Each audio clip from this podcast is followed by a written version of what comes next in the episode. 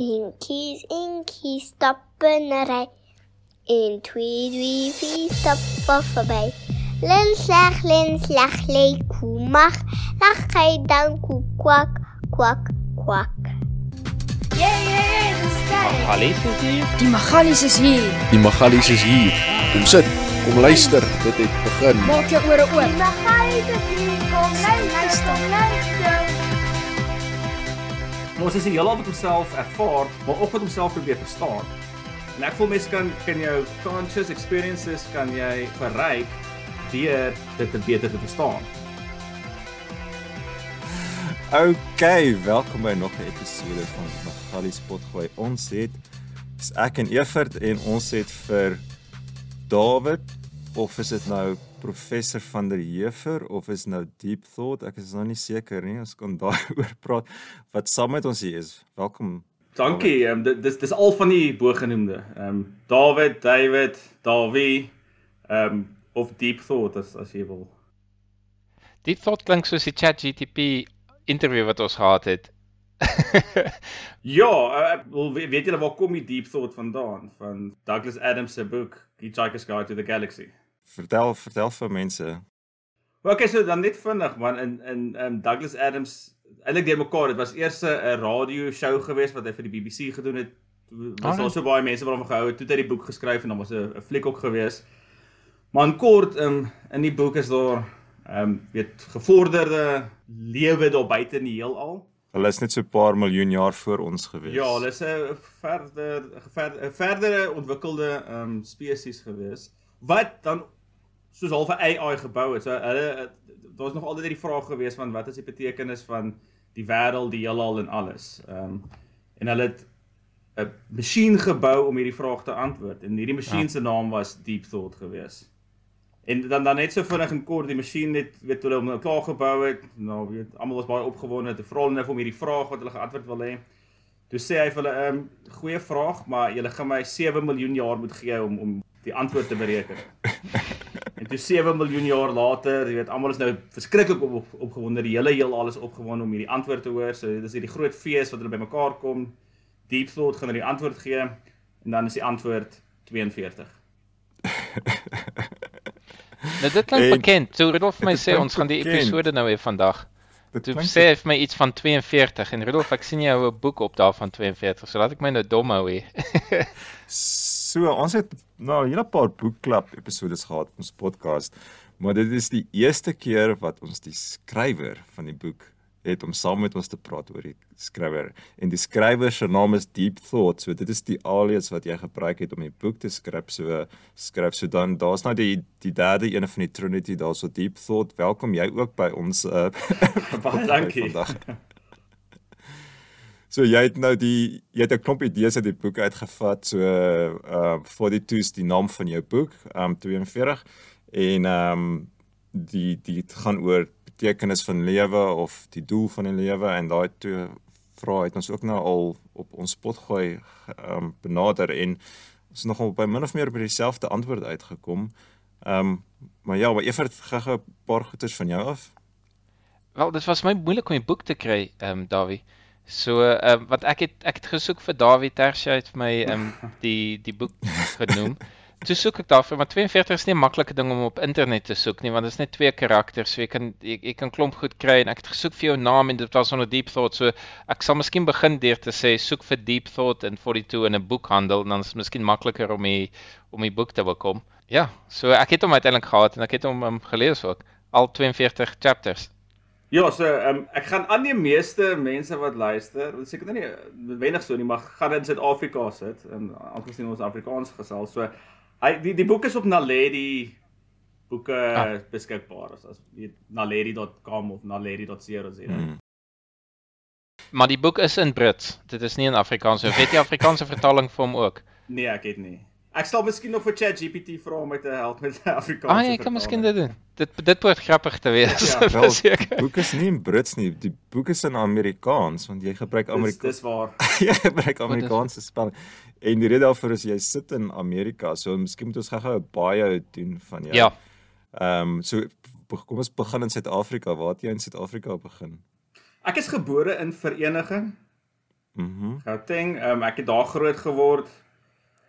Ehm um, laerskool en vereniging, hoërskool in Johannesburg. Ehm um, en toe het ek op Stellenbosch gaan studeer. Oh wow. So ek ek het in ingenieurswese gaan studeer. Daar's 'n megatroniese ingenieurswese. Wat is dit? Ja, goeie vraag. Toe toe ek het gaan studeer, dit was letterlik, letterlik nou, die eerste jaar wat hulle die nuwe program geloods het, was die jaar toe ek 'n eerste jaar was. So dit was 2000 en ek moet nou reg onthou, 2002 gewees. Het ek megatroniese ingenieurswese gaan studeer. En dit, dit is maar basies 'n kombinasie van meganies en elektronies, megatronies. Ah, okay. So so so, so dis basies STEM basis. Dit is die computers and movement and robotic Presies, presies. So so gee half aanleiding tot daai tipe ding. Yes. Die die maklikste om dit altyd te verduidelik is maar half robotika. So ehm um, jy het, jy het jou Hmm. elektroniese beheerbaantjie wat die meganiese robot beheer. So dis meganies en Ah, cool. elektronies, so half 'n kombinasie van die twee. Ehm um, en weet ek het studeer aan die einde van my ehm um, finale jaar wa- was ek nog nie reg vir regtig aan werk werk nie. Ehm um, daar was 'n geleentheid om verder te studeer. Ehm um, en dit dit was toe in biomediese ingenieurswese. Daar was 'n bietjie beurse om navorsing te doen in biomediese ingenieurswese. Dit is nog steeds in dieselfde departement, in die meganiese megatroniese departement. Ek het dit gedoen. Toe weet net nog gebly PhD gedoen en toe selfs na die PhD het ek in Stellenbosch gebly en dosent geword. Is dit iets wat ons kan verstaan? Jou PhD as jy vir ons die titel gee? Ja. Oh, jy moet nou onthou ons is Magalies hier, maar kan of biologiese ingenieurswese dan? Ja, ehm dit dit, dit strek 'n bietjie verder as net ek wil sê biologies, maar mense kan sê biologiese ingenieur wees alhoewel as ek nou vir die titel gee of my die onderwerp van my PhD gaan Al probeer ons asseblief probeer ons ek- en dit laat Rudolf dit is raai wat dit beteken. eenvoudig. Ek het knievervangings gemaak. Knievervangings. Okay. Ja. So ons Maar het dit dit kan ek verstaan. ons het ja presies, ek bedoel so dit is dit is nou nie dit is dit is Ja. eintlik 'n baie meganiese ding. So ons is- dit is nou maar net dit word in die mens in 'n biologiese wese ingeplant, maar ehm um, ons gaan kyk om hoe kan mens knievervangings half die ontwerp daarvan optimaliseer. Dit dit was basies my PhD gewees. Ehm um, ek kan baie vinnig daaroor vir jou sê dat na ek het 4 jaar gewerk aan aan knieë en knievervangings en ek het daarna besluit ek wil nie weer na die knie kyk nie. So ek het nie aangehou met dieselfde navorsing van van my PhD nie. Dit dit was ook maar net so interessant. Ehm um, so ek ek het toe half mettertyd het ek my fokus geskuif, die navorsingsfokus na ehm um, wat ek nou hou van om te sê neural engineering. So so brein breiningenieurs, so Yes, neuroingenieurswese. En net net omdat die die die brein het my nog altyd fascineer. Ehm um, en Ja. weet ek het dit altyd so al van die kant, ek het daarvan gehou om boeke te lees oor die onderwerp, oor weet neuroscience tipe boeke en die brein en so aan en Ja. op 'n stadium het ek net gedink, maar man, ek ek, ek kan hierdie actually doen vir 'n lewe. Ek ek kan Yes. weet ek ek is in die regte veld toevallig eintlik beland. Ehm um, Ja. ek kan half net die skuif maak en 'n bietjie dit dit my navorsingsveld maak. So Ja. ek het dit gedoen. Ek het ehm um, ek het ek maar nog altyd 'n bietjie gedabbel in klomp verskillende goeders binne biomediese Mm. ingenieurswese. So ek ek het doen nog steeds baie wat maar net noem soos 'n uh, mediese toestelle. Ehm um, meestal diagnose diagnostic, jy weet, ehm um, toestelle soos jy neem syne op. Ons hou daarvan om AI ook te gebruik om hierdie syne te verwerk en dan kan Alright. kan mens 'n diagnose maak. So dit en dan die breingoeters. Ehm um, so dit is dan So een van die een van die eksperimente wat jy gedoen het, jy het eksperimente op free will gedoen wat nou so naby aan die onderwerp is waaraan ons belangstel. En dit is soortgelyk aan die Libbets eksperiment, reg? dit is 100% reg. Ehm um, Okay, ek is lost. Ek, ek is 'n leek hier. Jy, jy moet nou by een nul van ons begin vorige nie. episode het jy gepraat oor die Libbets eksperimente, Evert.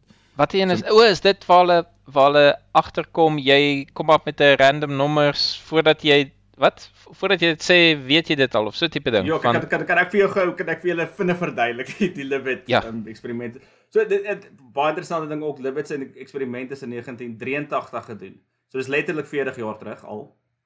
Ehm um, so basies wat hulle gedoen het, hulle EEG op mense se koppe gesit. Dis hierdie elektrodes op die op die kopvel en dan meet jy die elektriese ehm um, aktiwiteit in die brein. En dan het hulle vir mense gesê beweeg jou hand wanneer weet wanneer jy wil. So uh, dit was nou regterhand geweest net gesê weet uh, soos hulle nou die instruksies gegee het was flex your wrist whenever you you know feel the urge to.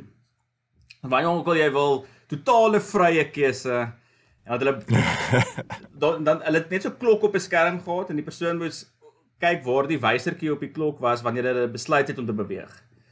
En dan het hulle nou breinsyne opgeneem dat hulle net op die einde gewys dat ehm um, daar's 'n breinsyn wat wys jy gaan beweeg voor jy bewuslik die keuse gemaak het om te beweeg. Omtrent 350 millisekondes voor voor jy besluit om Oh, te beweeg okay. is al weet 'n brein 'n teken in jou brein 'n onbewuslike uh, breinsyn wat sê jy gaan nou beweeg. En toe sê hulle okay, so daar's nie vrye wil nie. Jou brein besluit jy gaan beweeg, dan sê hy vir jou bewussyn jy nou dan voel jy eers jy wil beweeg of jy dink jy gaan beweeg, maar dit is al klaar besluit. So dit is vooraf besluit jy gaan beweeg. Ehm um, maar natuurlik 40 jaar terug, daar was in die in die tussentyd is al verskriklik baie kritiek teenoor daai studie gewees. Mhm. Ehm um, en daar daar's Ja. al nuwe studies en mense het al ander goeders gedoen. En ag dit is ek hou van filosofie ook. So ek het ek het gedink kom ons kyk hoe kan ons ook op daai in daai selfde studie ehm um, ietsie doen. En ons het al 'n bietjie van die AI gepraat. So al wat ons besluit het. So hulle het na baie spesifieke breinsyn gekyk in daai studie wat hulle noem die was Duits gewees aanvanklik die Bereitschaft potential wat na Engels toe vertaal die readiness potential. Ehm um, is dis die sein wat hulle gesien het. Ehm um, en die probleem met daai is weet mens met dieselfde ding sê net maar 50 tot 100 keer doen dan average jy al hierdie seine uit om daai mooi trend te sien van die sein die die, die readiness potential. Wat ons gekyk het om te doen of is of ons kan ehm um, selfde tipe seine opneem. Ons het net 'n bietjie verandering ons het die mense keuse gegee beweeg linkerhand of regterhand. Dan kyk ons kan ons met machine leer, weet AI, kan ons hierdie data aan 'n AI gooi en vir hom kan hy dan voorspel gaan iemand links of regs druk en hoe lank voor die persoon besluit hy gaan druk kan ons al voorspel of hy links of regs gaan druk. Ja. Ja. Interessant. Okay. So weet dit dit dis maar um, ek gaan nou eerlik wees ek is ons is op 'n manier nog steeds besig om van hierdie data te verwerk. Dit is nou al Ja. 'n paar jaar terug opgeneem. Ehm um, is uh, ons het dit in Stellenbosch opgeneem waar die studie aanvanklik gedoen het. Ons resultate was ek wil as vir amper te goed geweest om waar te wees. Nou ons ons kan volgens ons resultate met 99% sekerheid sê of die ou links of regs gaan druk amper 4 sekondes voor hy gedruk het. Hoeveel? 4 4 Heeltemal. sekondes. Toe besluit as hier miskien is nie lekker nê. So eh, weer 'n bietjie van die data na gekyk. Toe raak dit nou 'n bietjie anders. Toe kon ons eh, as ons die data op al 20 ehm um, participants spoel, dan was ons dan weet dan was dit 50-50%. Ons kon nie regtig sê nie. Maar op sekere toe, toe begin ons kyk na individue. So op van die mense kry ons amper 100% akkuraatheid tot met 2 Yes. sekondes voor die tyd, met ander nie. So lank storie kort, dis wel half 'n 'n side project vir my wat as ek tyd kry dan kyk ek na die data. En ek het al verskillende mense ook ingekry om ek is nie regtig eintlik 'n expert ehm um, uh weet AI coder nie. So ek ek probeer maar mense kry om my te help. Ehm um, met daai dele. Veral veral as ek sulke goeie resultate kry wat dan weet ek, het seker iewers droog gemaak. So kom ons kry iemand wat eintlik uh, weet wat hulle doen. So dit is nog steeds 'n 'n 'n work in progress, maar ek Okay. ja, ek ek sal julle laat weet sodra ek ehm um, selfvertroue het oor my resultate en dan wat dit was. Yes. Wow. So baie- so jy praat van Stellenbosch, maar maar jy staan in die US. So Ja. is jy nog steeds geaffilieer met hulle? Ag nee, nie regtig nie. Ek het nog op hierdie huidige oomblik twee PhD studente in Stellenbosch wat nog klaar maak. So ek Ah, ek, ek ek supervise hulle nog. En natuurlik ek het ek het goeie weet kollegas en vriende daar gemaak. So ek ek gesels nog met die mense en ek ek probeer ietsie opsit tussen die twee universiteite dat ons al 'n uitruil ding het. Um, dit, dit dit is net so 'n langtermynplan, uh plan. Um soos julle weet die Amerikaners hou daarvan om soos hierdie uh heroes te voel wat die arme mense daar in Afrika red en help. So ek daar daar's daar's altyd befondsing hierso vir as jy saam met Afrika yeah. werk. So dit is 'n goeie kontak om te Ah, hê ja. om te sê ja, veral in veral in die biomediese veld man, daar's so baie kom ons help die arme mense daar in Afrika. so arme Stellenbosch Universiteit. Ag, Presies. Kom ons help Hulle hulle het tog. so 'n moeilike tyd daarso in die wynlande, man. Ons moet gaan help. Uh, Hoor so wanneer is jy toe um, toe land uit? Wanneer het Ja. jy begin hensop? Ehm um, ek is 2021. So toe ek o, interessant. oh, okay. Ek is vandag letter vandag 2 jaar terug in Amerika aangekom. Oh wow. Ah, Ons het ons het 6 Dis nog, nog Augustus groen daar. 2021 hier aangekom. Dis nog 'n redelike vars. Ja, ja. Dit is Is jy nog in die honeymoon periode? Waar is jy? Ek in Amerika het met so 'n love-hate verhouding. gehad. maar ag nee, oor oor die algemeen is ons baie gelukkig hierso. Ehm um, ek ek ek moet eerlik wees, ja. Kyk, Mississippi het 'n baie swak um, reputasie. Natuurlik, um, dit dis maar half een van die armer stede in Amerika. Ehm um, skoor maar baie sleg op meeste lewenskwaliteit. weet Sorry, jy het rankings gesê stad. St staat. As ek gesê het stad, jammer, staat. Ek bly op wat eh, 'n dorp met die naam Starkville en Starkville is is 'n universiteitsdorp. So dit gaan eintlik maar alles oor universiteit. So dis Mississippi Ah, State okay. University en hierso werk alles goed. Dit is dit is so 'n klein ligpunt in Mississippi. Um, ek ek- dit- ek wil ook nie sleg praat van Mississippi nie. Jy weet op die kus, die die kusdorpies is baie mooi en en lakes en so aan en daar's 'n paar Hmm. baie mooi dele, maar dan daar is baie ook half armer vervalle dele in in die Ja. staat. Mm, okay. Maar wat wat is skiet Okay. laaste ding wat ek baie van hou van hier in Mississippi is dit is verskriklik groen omdat dit seker een van die swakker state is is dit lewenskoste is seker van die goedkoopste wat jy in Amerika gaan kry. So ons ons het 'n lekker Ah, groot erf met baie bome en ons, Ah, lekker. Mm. ek ek ek ek bly stap afstand van my kantoor af. Ek sit op die huidige oomblik in my in my werkskantoor net omdat ons het 'n 2 jarige by die huis en ons het mekaar nie kon hoor as ek hierdie by die huis probeer doen dit nie. Ah dude, I salute you. Jy het met 'n 0-jarige getravel na die US toe. Wow. Hy was hy was 3 maande oud toe ons het hiernatoe getrek het. Genade. Dis- Dis 'n dis 'n tawwe ding, weet nie vir jou, maar met familie, as jy nie familie om jou het en om om te help of jou te verlos vir 'n uur of 2 of so nie. Jy kan my niks Ja. vertel nie. Ja, dit is dit is baie moeilik. Ek kom skuil hier in my kantoor, soos jy kan sien. Uh okay, en op 'n stadium het jy besluit om 'n boek te skryf. Ja, so die die boek kom al ek het dink seker al meer as 10 jaar lank aan aan aan hierdie Ja. boek. Ek het op begin skryf in COVID. Ehm um, COVID was 'n goeie verskoning Soos, soos al die goeie 2020. goeders. ja, ek was forceer om by die huis te wees. Ehm um, ja, dit was eintlik meer as dit. Ek het ek het 2020 het ek sabbatical gevat by die universiteit in 'n geval. So ek ek sou die jaar afgevat het en ek het al hierdie groot reisplanne gehad van hoe ons in Frankryk nee. toe gegaan en Ah, ek het 'n ek het 'n visa gehad om um, Wallis toe te gaan en en toe gebeur COVID. Toe sit ek in die huis. Ja. So waar al my ander kollegas by Stellenbosch moes nog weet in der haas leer hoe werk, jy weet, hoe werk dit om klas aanlyn te gee en so aan. Het ek dit nie gehad nie. So ek ek het letterlik 'n jaar gehad wat ek in my huis toegesluit was wat ek nie hoef te werk Okay. nie. Dit sê ek, okay. Okay. Ek dreig nou al jare om hierdie boek te skryf. Nou Ja. het ek geen verskonings nie. Nou nou skryf ek dit. Okay. Okay. Wat ek hou van die boek, dis op 'n manier amper soos uh, Yuval Noah Harari, Yuval Noah Harari se Sapiens, waar in Sapiens vat hy ons deur van die die, hele ontstaan van die moderne kultuur wat van die mensdom, maar in plaas van jou storie gaan basies jy, jy het soos jy het hom so 'n bietjie groter ge jy, Bietjie groter ambisie, klein bietjie groter ambisie. ambisies. Jy het- jy het 13.77 biljoen jaar terug gegaan en gesê, "Oké, okay, dag 1."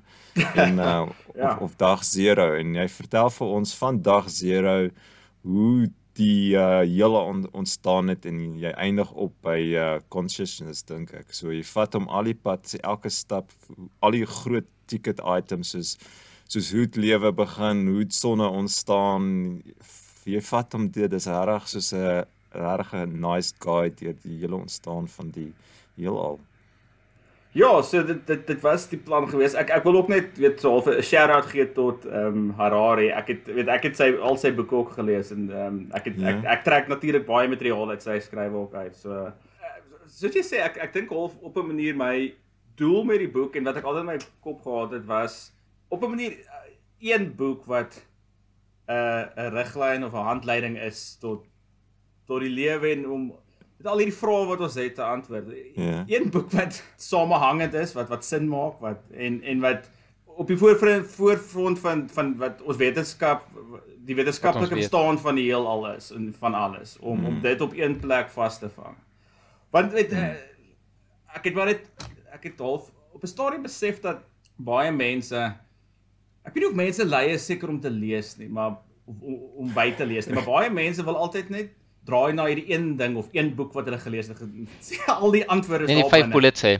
Besluit ek, man, kom ons skryf daai een boek met al die antwoorde in.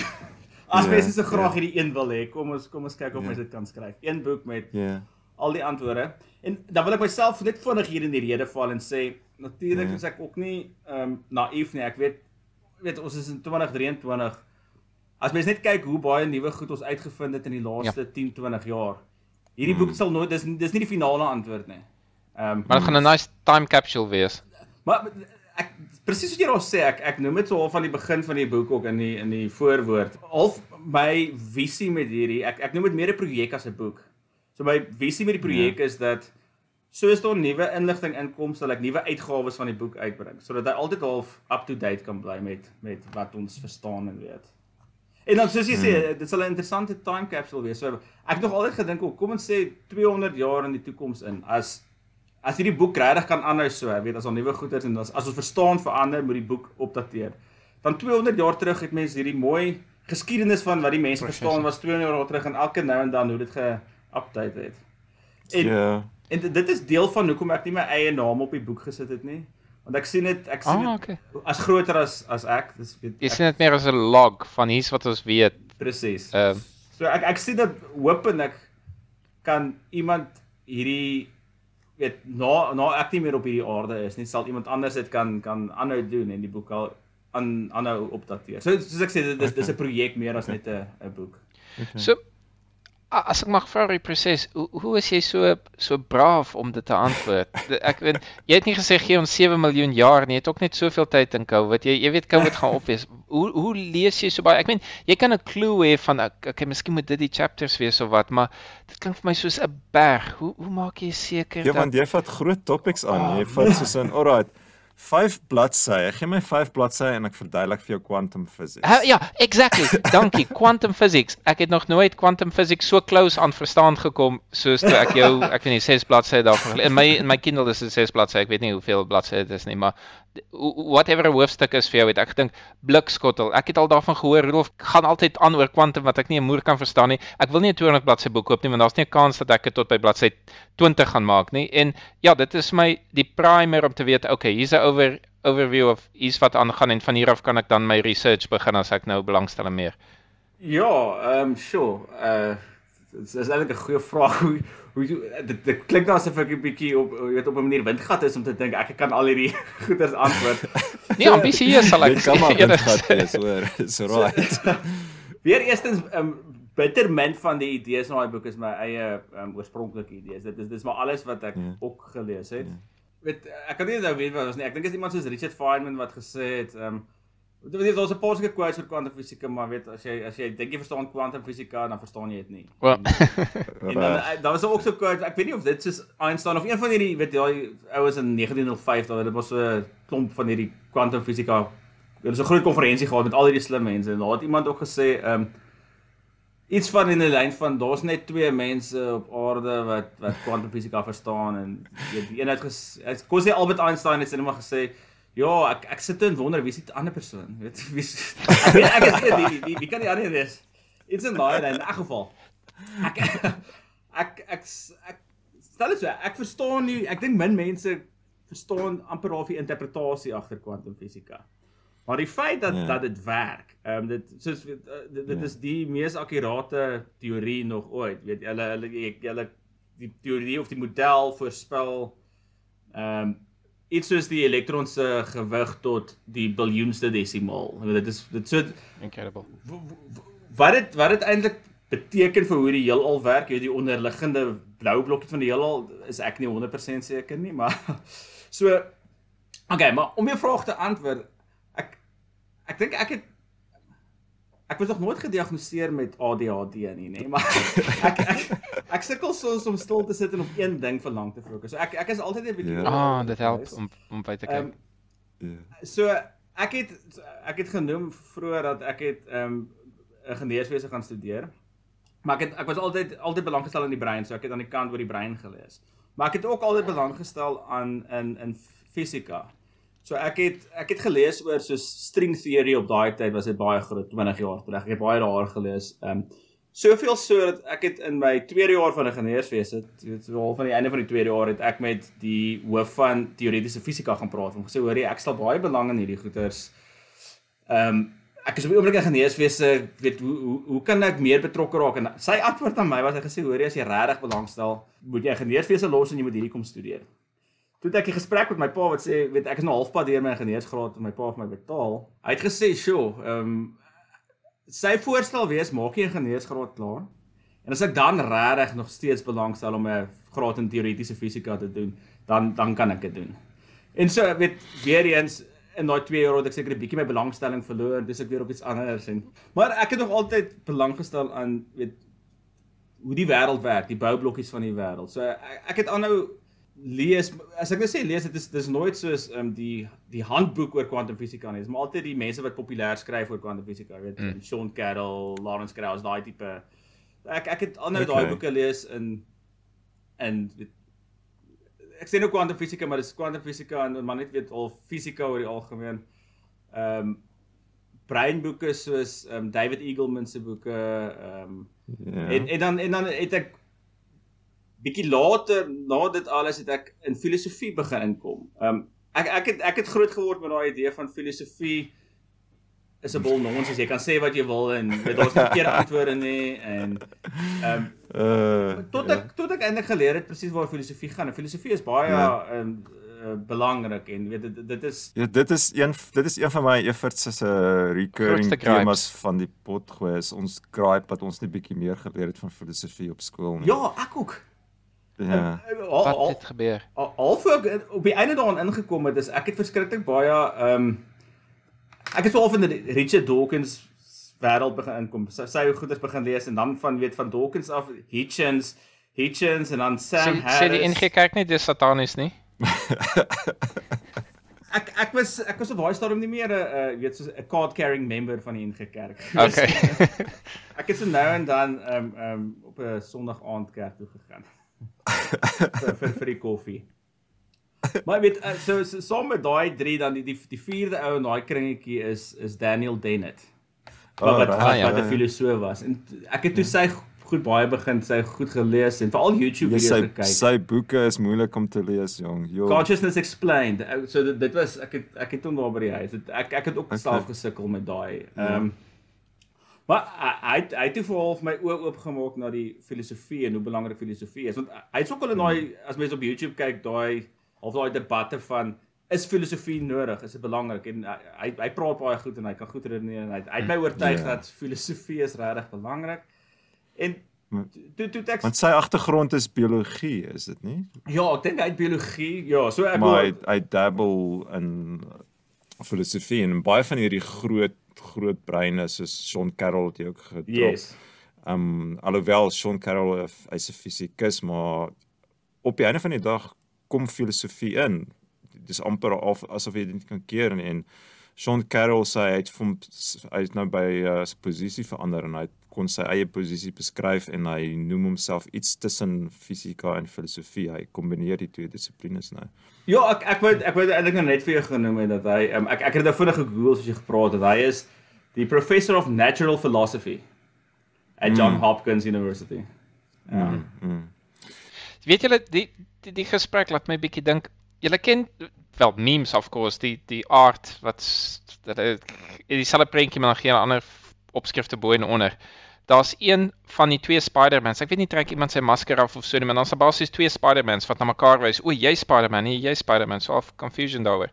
En dit voel vir my bietjie so ehm um, as 'n mens half in die pool is van die groot dinkers van vandag dan o, maar ek het al gehoor van die brein is 'n prediction machine. So wie het nou hiermee opgekom? O, ek die eerste boek wat ek gelees het was die vrou wat dit gesê het. Dan dink jy, okay, dis nou haar en as iemand anders dit sê dan dink jy, maar wag, wag, dis nie noodwendig omdat ek eers daai boek gelees het dat die ou hiermee ja, opgekom ja. het nie. Maybe is dit net 'n general concept wat daar buite is. Maar ons verseker die die repies inligting of frases wat bekend is soos ek weet nie wat control to hallucination Ja, dit daar's een byvoorbeeld. Jy het die, jy het die frase controlled hallucination ge, gebruik van, van wat se van wie afkom dit? Wel, nou nou nou sê ek nie meer seker nie, maar ek het gedog is Anil Anil Seth. Ja, ja. Anil Seth. Ja, ja, ja. So jy het Anil Seth se boek gelees? Ehm um, Being You? Nee, ek het uh, hy het 'n baie goeie YouTube video, Royal Institute of something in in Londen, um, met hy Ja, hy doen baie podcasts en video's en so aan. So yes. hy het baie vertel van control hallucinations en die die woord het ook opgekom in jou boek. Toe toe word ek gewonder kom dit van Neil Seth af. Ek smal oor hom. Maar ek, ek, ek weet nie of ken jy Andy Clark? Is 'n filosoof wat ook Ja. Andy Clark het definitief daai ook genoem in sy boek. Hy hy het onlangs twee boeke geskryf. Um Sur Surfing Uncertainty. Dis een wat ek gelees het, maar hy het 'n uit 'n nuwe een wat daarop volg, maar dit, dit alles gaan oor hierdie konsep van die um soos hulle nou noem the Bayesian brain of die die, brein as 'n hipotese masjien. Um en dit is nou ook maar waar half Anil Seth se um beheerde uh, hallusinasie inkom. Um so Hmm. Ek okay, so ek bly ons is op dieselfde bootjie sodat ek ek dink ook aan Neil Seth het dit Ja. eers gesê.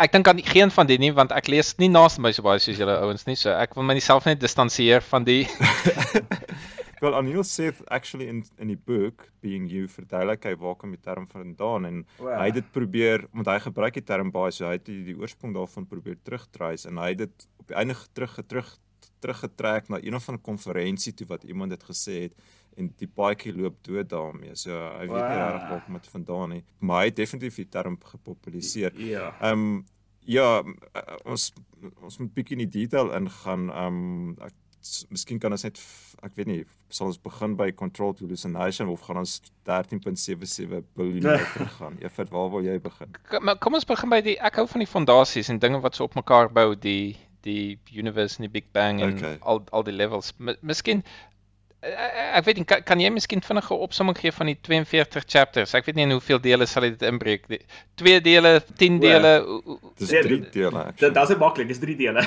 ja. dan, dan dan eh, moet ek weer terugkom by ehm um, Hitchhiker's Guide to the Galaxy, die Douglas Ja. Adams boek. Ehm um, so dit dit- dit gaan oor is 40 42 is the answer to the ultimate question of life, the universe and everything.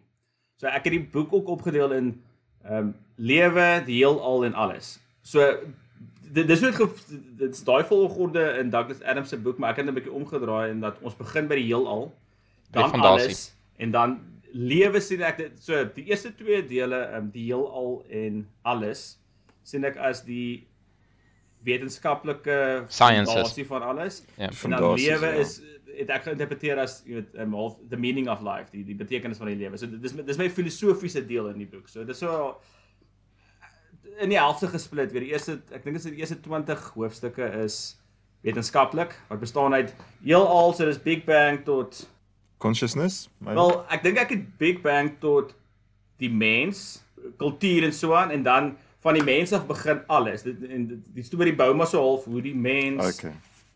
begin leer hoe die wêreld werk en alles kan verduidelik. So dit dit is dan half die everything van dit en dan eindig dit by amper consciousness dis So deel 2, wel, laaste 4 hoofstukke is die brein, consciousness, die self en dan knowledge. Dis die Ja. laaste deel van die wetenskaplike fondasies en dan slaan hy oor na van daar af slaan hy oor na free will toe wat nogal uh, en en dan mor morality wat nogal 'n goeie segue is na die filosofie deel.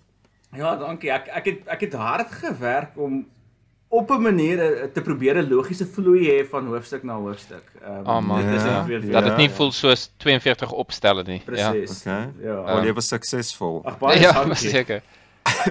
Ek moet sê ek die, die, een van die moeilikste dele van die boek skryf was ek het sien nou maar hier op die einde het ek ehm um, 'n goeie idee gehad vir so 38 hoofstukke. Maar natuurlik wil ek dit forceer ek ek het- ek het nog 4 nodig. Ek hierdie gaan die boek se nou gaan 42 wees. Ek het kos nog 4 idees. Okay, so kom ons begin praat oor van die fondasies. Ehm um, ek weet nie Evert, wil jy begin met die Big Bang? Ek is seker jy het 'n lang lys van vrae. Ek het ook, maar ek ek sal heeldag alleen met David praat as jy met. Een van die coolste goed wat my mind geblou het is jy, jy het gepraat van hoe- die elemente versprei is in die heelal. Ehm um, dat dit Ja. nou sukkel ek hier met ehm um, hydrogen is waterstof, waterstof, helium en dan ek weet nie wat die ander koolstof en so Ja. is nie. En die proporsies daarvan. En behalwe vir helium wat nie bind aan goed nie want dit is ek weet nie soos ek sosiaal. Ehm um, be- behalwe vir helium is die verspreiding van elemente in die human body dieselfde ratios waar dit ek weet nie soveel mind blown. Ek het gedink dit is so moer cool en jou conclusion was half iets half poëties ten spyte van die feit dat ons nie scientific ding is van ja, life gives you lemons, dan maak jy lemonade. Dis as dit is wat jy kry, is dit net maar hoe die lewe gaan. Wow, dit was my cool as Ja. ja, dis nie 'n afterthought nie, dit is die result van die equation, die die Ja. die die, die lewe is okay. gebou deur dieselfde elemente as wat Kom stel dit nou baie mooi wat jy gesê het daarso. So as jy kyk na die samestelling van elemente wat die heelal opmaak in die proporsies van daai samestelling, die mens is gemaak van dieselfde particles en gemaak en en in dieselfde verhouding ook daarvan. Is? Presies. Dit dit dis dis dis waar beneer kom. Dit is ongelooflik. Is dit soos die ouens wat wil bewys aliens bestaan en as jy die drie piramides in Egipte 'n lyn trek dan wys dit nou Ryan toe of so? Is dit iets poëties maak wat nie is nie of is dit logies dat obviously is dit dan die antwoord? Ons is nie Dit ek ek dink dis dis die punt. Ek dink dis obviously die antwoord. Ehm um, dit dit is die boublokkies wat daar was. So op 'n manier natuurlik is dit waaruit ons bestaan. Dit ek dink dit probeer sê dat ons is gemaak uit wat wat wat tot ons beskikking was. So dis nie nodig gehad vir iets daar weet buite bo om nuwe elemente te skep om die mens te maak. Nie. Ons is gemaak Ja, dit van sou vreemd was. gewees het as ons almal van die swaarste elemente om by periodieke tabel gemaak is wat dan niks is nie. So eintlik moet dit nie my mind blow nie. Dit moet net wees ja, obviously. Ek moes gesê het hoekom skryf hy dit? Dit is obvious, maar vir my was dit wow. Want ja, Ja. dit Want mens dink nie daaraan nie. mense dink jy daaraan nie. Dit ja, so eerste keer toe ek dit gehoor het was my mind ook geblou. So ek het nie daarmee Ja, opgekom ja. nie. Dit is Neil deGrasse Tyson. Ek ek Oh, het ek het dit by hom gehoor. Hy, hy, hy het dit gesê. En Ja. Deesdae is ek nie so goeie vriend van hom nie, moet ek sê. ja, hoe hoe so? Het hy iets gesê wat jy nie meer saamstem nie? Ja, seker 'n paar goed, ek weet nie. Oor oor truth en ek weet nie vyf verskillende tipes truth en goed. Ek weet nie. Oor die algemeen is ek 'n bietjie van hom af. Hy voel vir my bietjie te pop side deesdae en ja, ek weet nie. 'n Paar keer op Rogan was 'n bietjie argument wat argumentative. Ek weet nie, ek nie. Ek- Okay. In die, in die begin dink ek is moeilik toe ek 'n kind was, ek baie van hom gehou en so aan, maar ja, Sean het 'n bietjie afgeweer. Vir my is hy 'n verskriklike goeie spreker. Ek was ek was laas jaar het ek hom gaan gaan dit's nou lekker om in Amerika te bly. Ek het gegaan om hom te gaan live kyk iewers um, weet actually Richard Dawkins het hom aan hom 'n prys oorhandig vir sy um, aandeel tot die wetenskap en so aan en ek ek het daai gaan bywoon en dit dit was dit is vir my dit was my baie cool om hom te sien praat. Hy's hy's regtig 'n mens kan sien hoe entoesiasties is hy om Mm. Die hy's verskriklik hy het, hy het baie kennis in sy kop. Mens kan dit sommer sien man. Hy hy, hy jy kan vir hom enige onderwerp gee en hy kan daaroor praat en dit was my net baie goed om te sien hoe hoe entoesiasties hy is en hoe maklik hy kan praat oor basies enige onderwerp. Um, so ek het nog nie my uitval met hom gehad nie. Ehm um, dit miskien kom dit nog. Hoe maar hoorie terug by Evert se punt. Dit is vir my ongelooflik in die boek hoe mens kan ek weet nie die periodieke tabel. Mens kan die ontstaan van die periodieke tabel in jou boek aflei. Dit is dit, dit daar is 'n storie oor soos wat 'n mens evolusie 'n baie baie eenvoudige meganisme agter evolusie sit, sit daar ook 'n redelike eenvoudige meganisme agter die periodieke tabel waar jy begin met waterstof wat 1 proton en Ja. 1 elektron is en dan helium wat 2 elektrone Dit nie te ver gaan nie, Rudolf. ja, nee. Maar maar jy verduidelik van hoe elke so dit dit is baie logies dat waterstof ontstaan het in die Big Bang want dit is half die eenvoudigste ene. En dan met die ontstaan van sterre het die meer swaar materiale uitgespoeg geraak uit die sterre uit want daarso het nuclear fusion plaasgevind wat die meer ja. swaar elemente gemaak het. Dit is ongelooflik hoe jy dis die eerste keer wat ek so 'n goeie verduideliking kry van die ontstaan van die periodieke tabel. Ag dit dit is dis great om te hoor. Ehm um, ek ek is bly om ek, ek maar altyd bly as ek kan help met met hierdie kennis versprei tot op Ja, buite.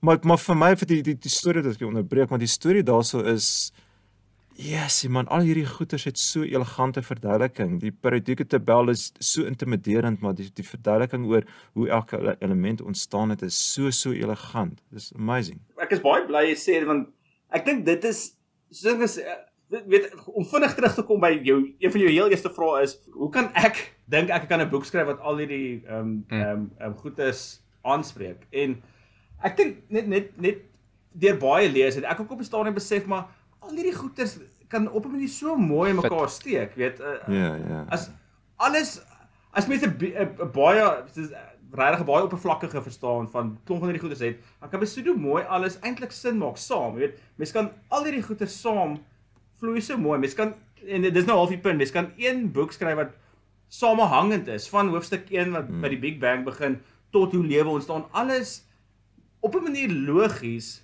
Dit hmm. kom bymekaar en maak sin en ek ek het daai begin agterkom.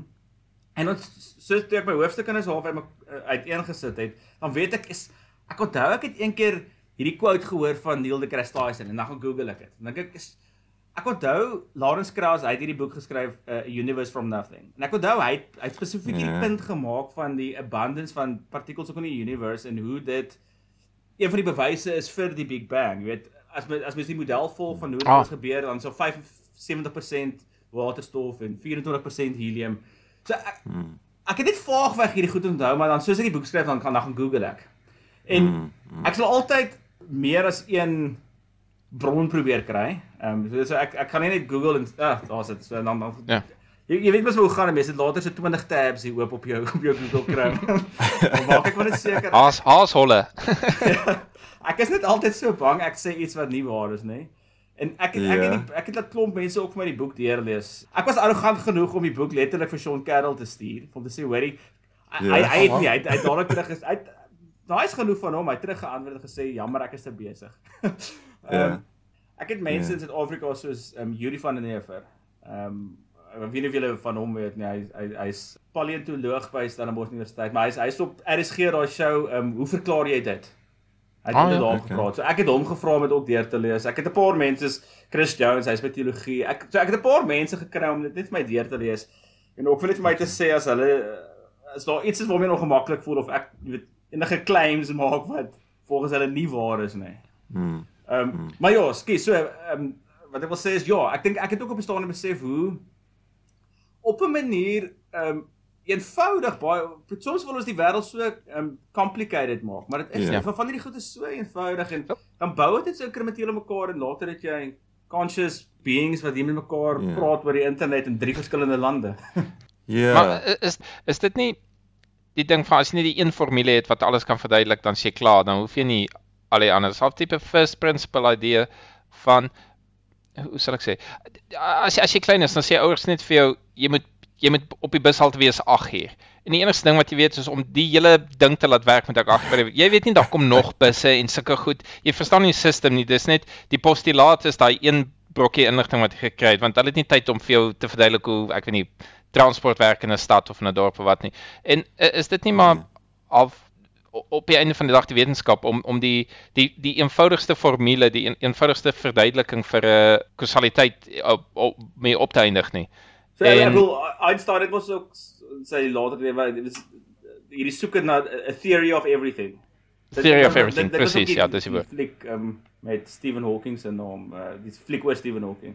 In elk geval, theory of theory of everything. Hmm. So da, da, ja, Ja, ek dink ja. daar is hierdie soeke na dit. Ehm um, Ja. so soos julle dalk seker weet op die oomblik is kwantumfisika en gravitasie, dis daar daar's nou maar nog 'n bietjie die probleem. Ja. Ja. Relativiteit en en kwantumfisika. Maar die die die die, punt wat ek ook wil maak om aan te sluit by wat ek gesê het is soos byvoorbeeld met evolusie daar's 'n baie baie eenvoudige meganisme wat alles kan vir jou kan verduidelik. Dieselfde met die ontstaan van die heelal met kosmologie en soos vir die eerste keer dat ek agterkom die periodieke tabel werk dieselfde. Ehm um, maar daar's nog steeds the devils in the details. Daar's nog steeds van die fynere punte wat moeilik is om te verstaan of wat onversoen is soos wat jy gesê het gravitasie weet ons nog nie lekker hoe werk gravitasie nie. Maar okay so jy kan in die, in die jy kan in die details ingaan maar die groot prentjie die die algemene patroon van hoe alles werk is is tog baie eenvoudig. Ek dink so ek ek dink so weet ja, ek is van myself nie voorgee as as 'n uh, weet 'n ekspert in enige van hierdie velde nie, maar ek ek het gevoel ek het oppervlakkig nogal wyd gelees en ek ek, ek kon sien dis 'n mooi amper half patroon en alles op 'n manier alles maak dit sin as jy hierdie Geïnspireerd is. As jy as, ja, presies. Ehm um, en, Ja. en toe toe dink ek okay man, mens mens kan so mens kan so boek skryf wat wat hierdie probeer weergee en en weet dan selfs as ek gesê ek ek het toe later die filosofie in die filosofie in begin kom. Ehm um, ek, ek wou nou nog genoem het weet ek was ek was gelukkig om 2018 dis nou al 5 jaar terug. Maar ek het toe vir Dan Dennett gaan kuier by by sy universiteit. Um, ek het later want Oh, ek hou wow. daarvan om vir mense net sulke met cold emails te stuur. Sê hey, ek is ek is so en so ek gaan in Ja. Boston wees. Ehm um, kan ek kom hallo sê en hy was ja, sure. Hy sê hy's 'n super nice ou man. Hy het gesê ja, ehm um, wow ek was sommer met hom in sy kantoor gesit ons 'n rukkie gesels. Toe sê hy vir my, "Hoor jy, hy het nou 'n lesing wat hy gaan doen. Wil ek na die lesing toe kom?" Sê ek, "Ja." Sê ek, sê ek, "Okay, kom, klim in my kar." Toe ry ek saam met hom in sy kar na die lesing toe wat hy gegee het. Een van die Oh, nice wow. mense. Soos ek sê, ek het toe baie in die filosofie ingekom daai tyd. So Ja. ja. 2018, 19. Soveel so ek het 2020, met, met net voor Covid begin het, het ek in Stellenbosch staan op bos het ek 'n um, 'n postgraduate diploma in applied ethics gedoen. So ek het ingeskryf vir 'n diploma in, in applied ethics. En so baie in die filosofie gekom en toe besef ek weet wat ek nogal hou van so die filosofie daar's nie noodwendig ehm um, regte antwoorde nie.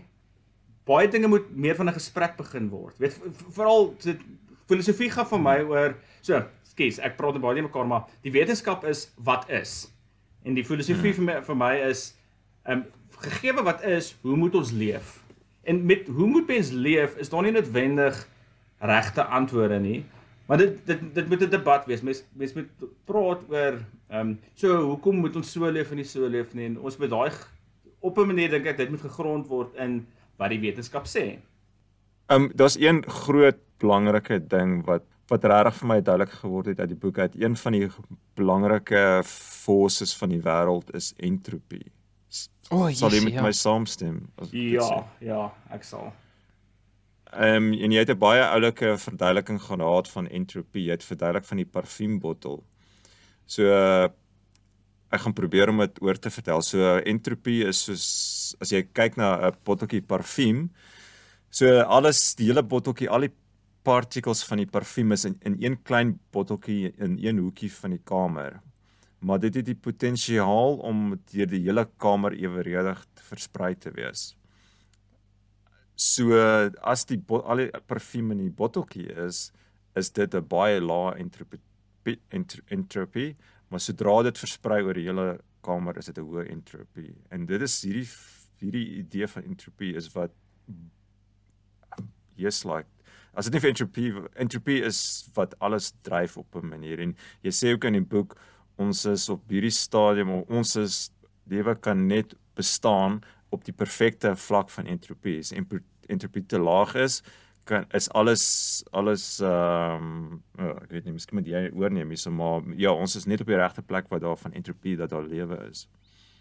Ja, ehm um, so weer eens soos ek wilde probeer sê niks van hierdie goed is my eie oorspronklike idees nie. So hierdie entropie Ja. ja. goeters kom baie van Sean Carroll ook af.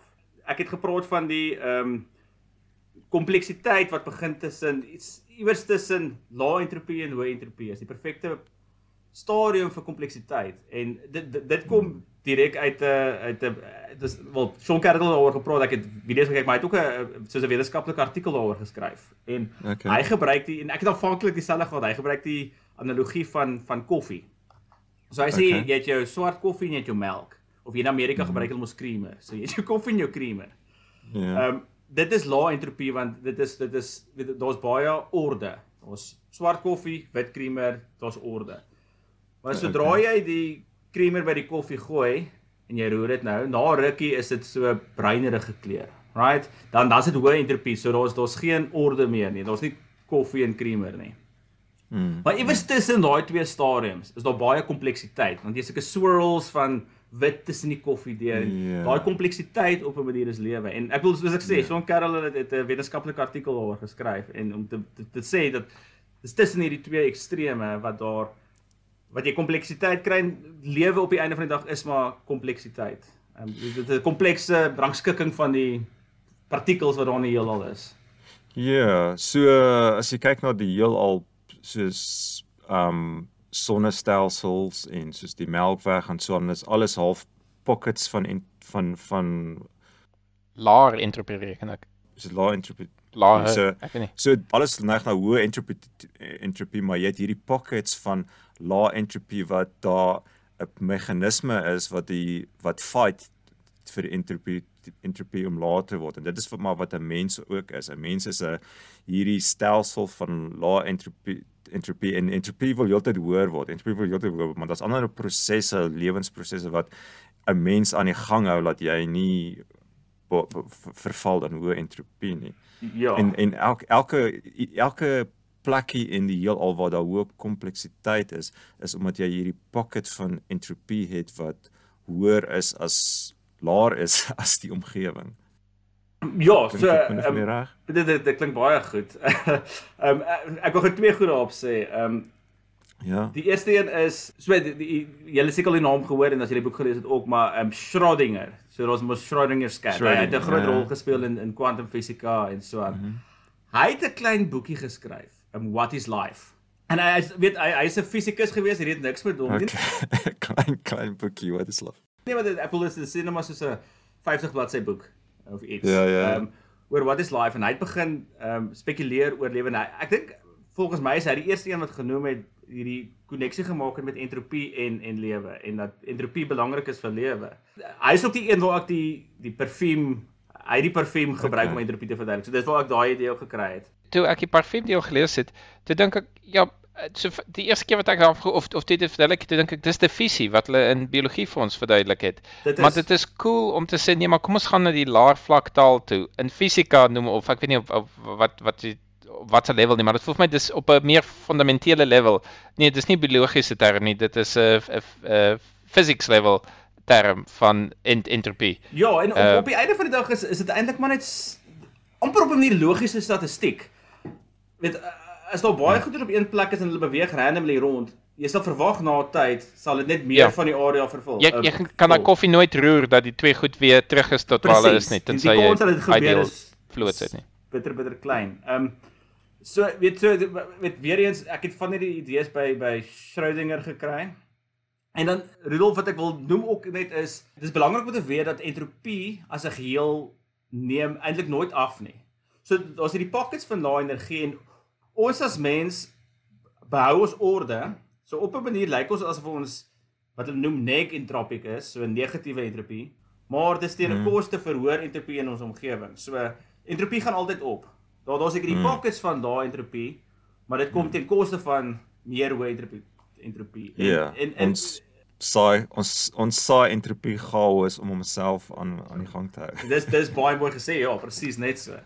En op 'n manier ons in ons geval is die son hierdie lae entropie ehm um, bron wat ons gebruik. So hy het la so hy het so half het vrye energie wat hy gee en ons gebruik daai energie wat ons van die son af kry nou op Ja. baie verskeie maniere en ons omskep dit in ander vorms, maar elke keer is daar hoor dit daar's altyd 'n bietjie verlies aan energie. Jy weet van dit gaan weg aan hitte, van dit so daar daar's meer energie wat uitgegee word as wat jy op die einde gebruik. En dit dit is nou maar 'n halfie entropie ding wat daar inkom. Ek het gou vinnig 'n 'n vraag. Jy jy noem al die bronne. Het jy op 'n stadium oorweeg om 'n bronnelys op te sit of footnotes of so? Ehm um, want baie keer het ek gedink, eers dit kan handig wees, maar dan ek ons almal weet om die internet te gebruik. So ek wonder, is dit 'n doelbewuste besluit of het jy besluit dis nie 'n vakboek nie, dit is 'n general introduction en jy wil nie tegnies lyk like nie of ja, ek, ek wonder sommer net oor jou proses van toe jy nou besluit het Jy jy het dit al verantwoord. Dis dis dis die laaste deel wat jy daar gesê het. Ehm um, en kyk, ek het hierdie vraag al baie gekry. En ek het nou nog genoem, ek het die boek voor voor die tyd ek het vir klompie mense gestuur. Ehm um, seker 'n deel van my fout is meestal van hulle ook in die akademie. Ehm um, weet Hmm. en, en hulle letterlik elke liewe een het my gesê goed wat jy kort is 'n bronnelys en jy kort 'n indeks en jy kort miskien so nou en dan 'n footnote. En ek het op die einde ek het ek het doelbewus besluit ek wil dit nie doen nie want Hmm. Eerlik word dit verpes my as ek so selfs boeke van Sean Cullen en so aan lees en jy lees hier en dan staan daar eenetjie daar, dan blaai jy nou terug in die agterkant van die boek, dan moet jy eers weer daar lees en dan blaai jy weer terug. So ek wou nie daai daai weet daai ehm um, notas aan die agterkant gedoen het nê. Hmm. Ah, want dit, dit dit lees nie vir my lekker nie. Ehm um, so dis die een rede.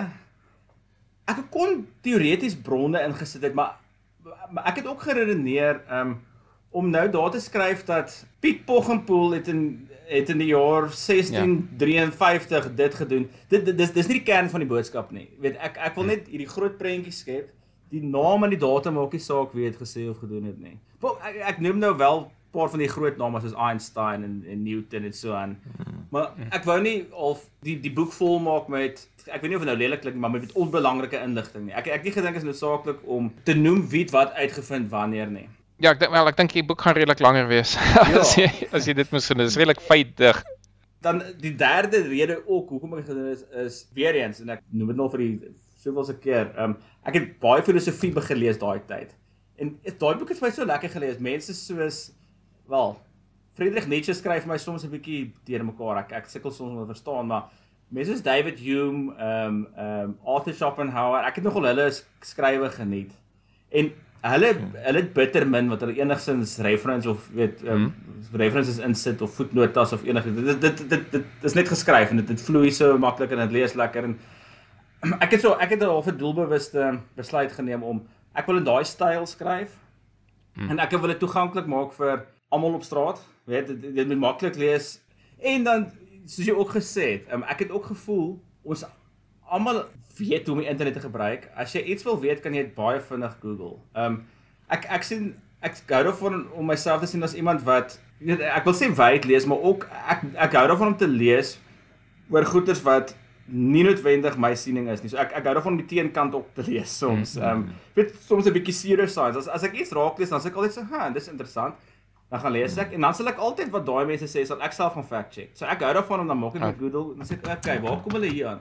En so my punt was ek ek voel nie ek hoef vir jou een bron te gee waar ek dit gekry het. As jy twyfel aan iets wat ek sê, kan jy maklik gaan, gaan kyk check as jy yeah. wil en maar meeste van die idees wat jy beskryf is bekende idees. So en dit dit is op 'n manier ook half moeilik om 'n bron daaraan te gee soos die wat ek ons gepraat het oor entropie. Ek meen dat daar gaan vers, jy gaan vers, enige tyd as jy enige iets lees oor entropie gaan jy die idees wat jy vertel gaan jy daar raak lees. So dis alles bekende konsepte. So dis baie moeilik om een spesifieke bron in elke liewe van die goeters uh, toe te skryf. Um yes. um maar ja weer eens wat ek sê is ek het nou net gesê dit is alles alle idees van die boek is bekend.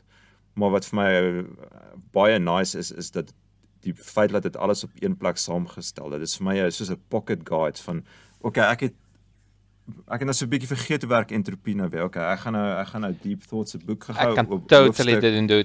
Ek gaan op hoofstuk 15 gou-gou kyk en dan gaan 5 bladsye lees en dan gaan dan weer onthou hoe werk entropie. Uh, dit is wat ek daarvan hou en en soos wat jy self sê, dis nie jy het nie opgekom met hierdie goedes nie. Dit is dit is 'n baie vir my baie baie nice samestelling van dit en dit is vir my regtig 'n pocket guide to the universe. amper soos die boek in uh Hitchhiker's Guide to the Galaxy. Yes. Wat, wat is die naam van die boek? Dis amper soos dit is my pocket guide na al hierdie groot ja. idees. Die, uh. Ek moet sê uh, een ander rede hoekom jy uitgenooi is ook is omdat jy 'n uh, um hoe sal ek sê 'n voorvegter is vir twee van die temas wat wat Rudolf baie meer vriendelik is. Die een is um, wat is die woord daarvoor Rudolf? Kom aan, jy weet, weet wat dit is. nee, ek weet nie wat jy waar um, jy pad is nie. Ehm um, nou dat ek dit vergeet. Die ander een is stoicism. Jy jy was 'n ja, redelike ja. sterk proponent oor meditasie. Okay. Met Rudolf en sy blerry meditasie wat ek vir 2 weke moes doen.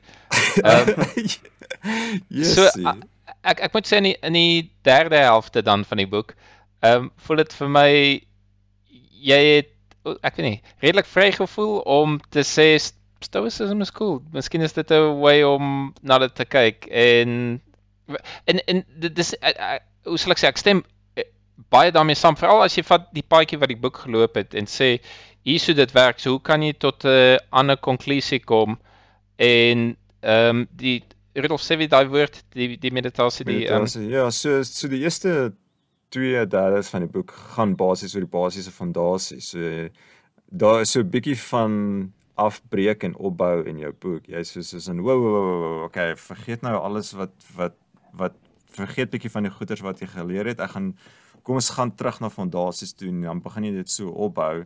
En ehm um, dan ek dink die laaste deel is om half om op 'n manier om dit toe te pas en ja. Ehm um, ja en en een van die goeders wat uitgekom het was ek dink ek lees meditasie ja ek ek neem aan jy um, het nee die die spesifieke woord is mindfulness Rudolf. mindfulness dit ja, is ja. die een waar ek jou so jy ja. het uh, dis die hoofstuk ehm um, uh, stop and smell the roses waar jy beskryf van as jy in die natuur ingaan dat en ek weet nie of dit 'n persoonlike storie is of of jy dink dit met almal gebeur nie ehm um, maar ek kan definitief vereenselwig daarmee as jy uitgaan in die natuur natuur byvoorbeeld dan op 'n stadium is asof jy net wakker word uit 'n droom uit wat jy net soos in wow kyk kyk kyk kyk die voels wat sing, kyk hoe werk alles saam, kyk hoe vloei alles, kyk hoe mooi is alles asof jy so wakker word. En dit is wat my ervaring van die effek van meditasie ook is wat jy regtig op daai een oomblik regtig hierdie min oomblik in jou lewe waar jy regtig wakker is en regtig alles voel en regtig alles inneem. Ehm um, dit is hoe ek daai hoofstuk verstaan het en en ek dink ek deel ook met jou die ADHD ding waar my kop ek is so in my kop baie ek is so in my kop en ek dink en ek dink en ek dink en ek ehm um, en dan skielik asof jy as op 'n bult staan of jy's in 'n mooi bos dan skielik kan kom maar net so iets oor hê wat jy net deel word van alles skielik en ek, ek dink dis wat jy beskryf het daarso. Ja, ehm um, dit is 100% wat beskryf het. Ehm um, so Okay. dit dit dit kom uit eie persoonlike ervaring uit. Maar dan ook ek ek het weer eens 'n bietjie opgelees oor oor meditasie en so aan. Ehm um, ek is Okay. seker tot meditasie gelei meestal deur Sam Harris. Ehm um, hy het Okay. ook, hy het ook 'n boekie geskryf Waking Up. En dit dis dis waar ek in dit ingekom het en ehm um, ek het alself 'n bietjie gemediteer. Ek ek moet eerlik wees, ek ek sukkel om tyd te kry deesdae. en Ek gaan weer my 2-jarige kind blameer daarvoor. Ja, verseker. Ehm maar ek ek het al daai ervaring en soos soos weet van die boeke wat ek nou al gelees het.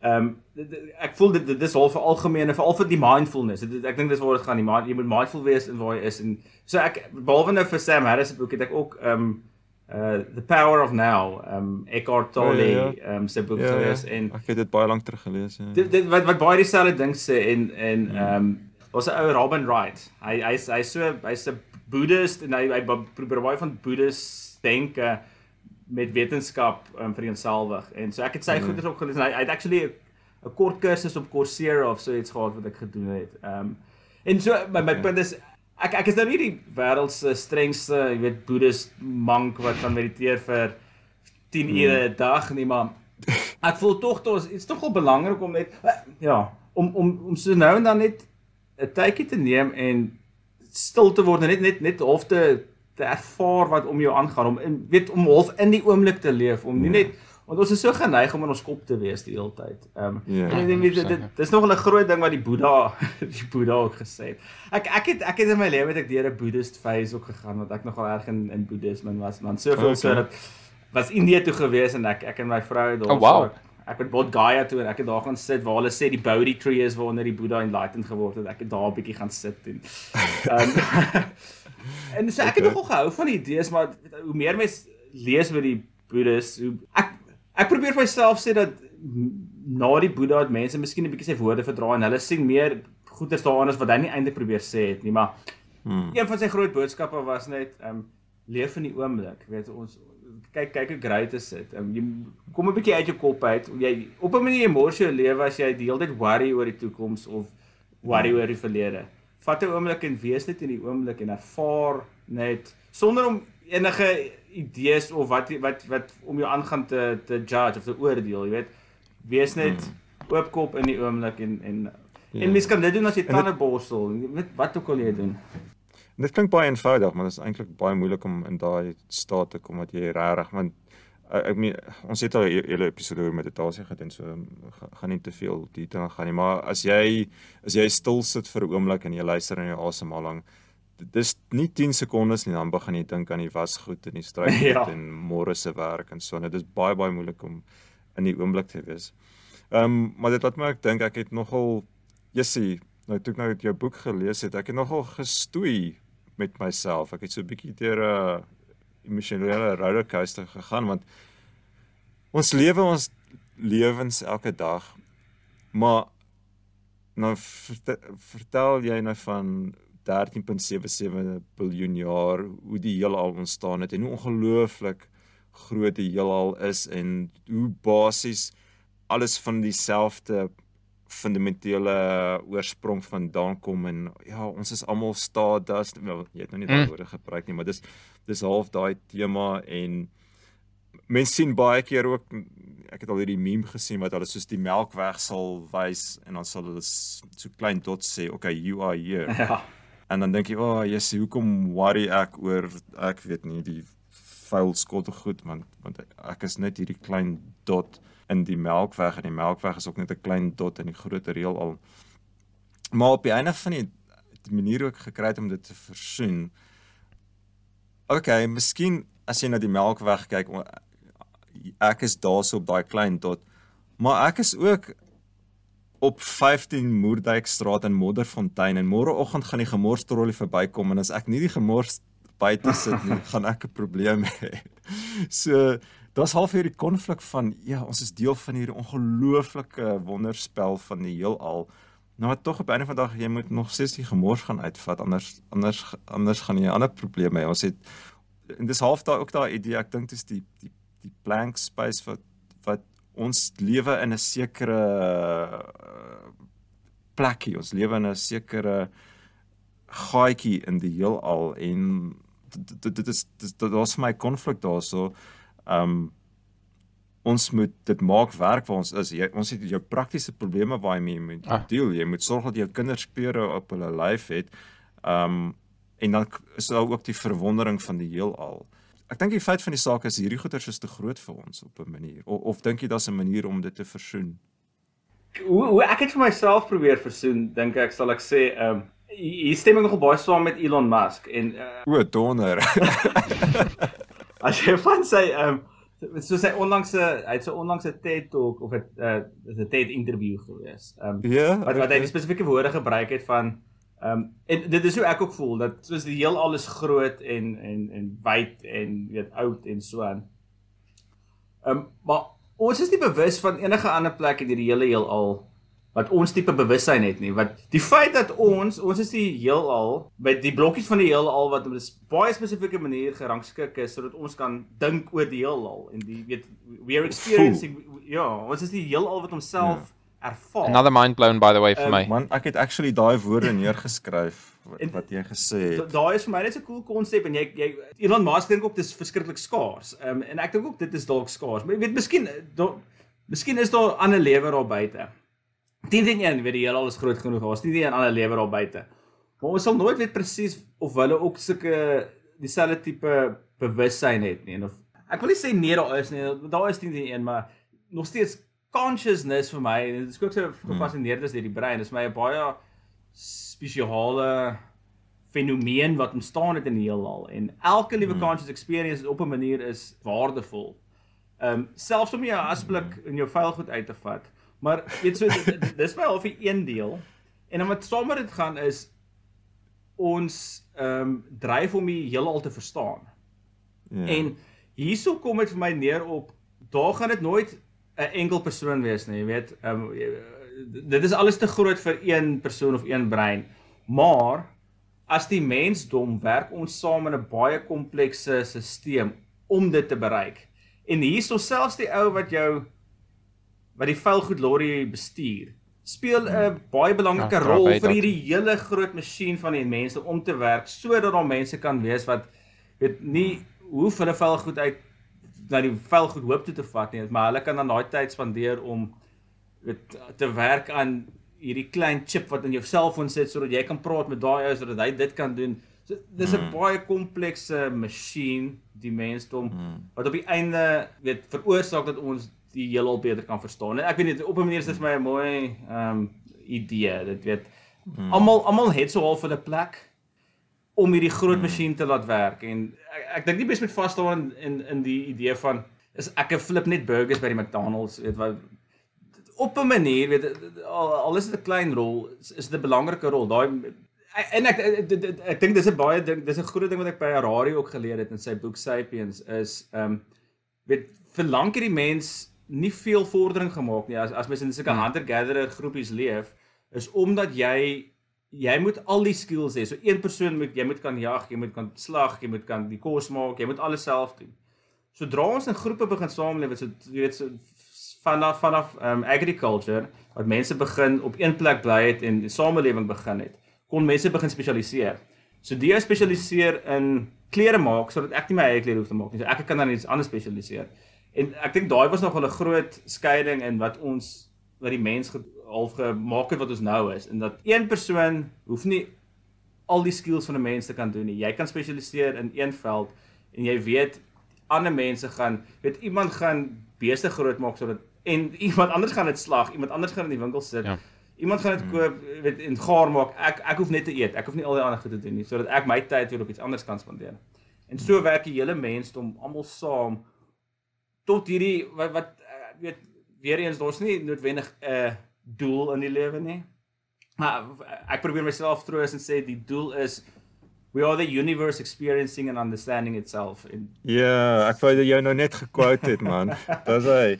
Weet jy baie keer gebeur het in die boek wat en jy het dit nou net weer gedoen wat wat ek wou jy daai quote van jou gebruik het om te respond op jou. En dit's baie keer in die boek dan dink ek Ag man, dis 'n baie mooi storie, maar hoekom vertel hy nie hierdie deel ook en dan die volgende bladsy vertel hy daai Ja. storie. Een van 'n voorbeeld daarvan was ehm uh, toe lewe ontstaan het op aarde. Jy verduidelik van hoe lewe ontstaan het op aarde en ehm um, toe sê ek van o, okay, maar Jessie, jy moes vertel dit van die die great oxygen explosion. En die volgende bladsy verduidelik jy die great ex- oxygen explosion. dit was vir my nogal cool wat gevoel gevoel asof ons heel in sync is. Speaking van InSync, een plek waar ek wou hande klap is toe jy 'n bietjie taaf laf gegee het oor werk. Jy jy het self begin van ja, mense sukkel hulle hou nie van die werk wat hulle doen nie.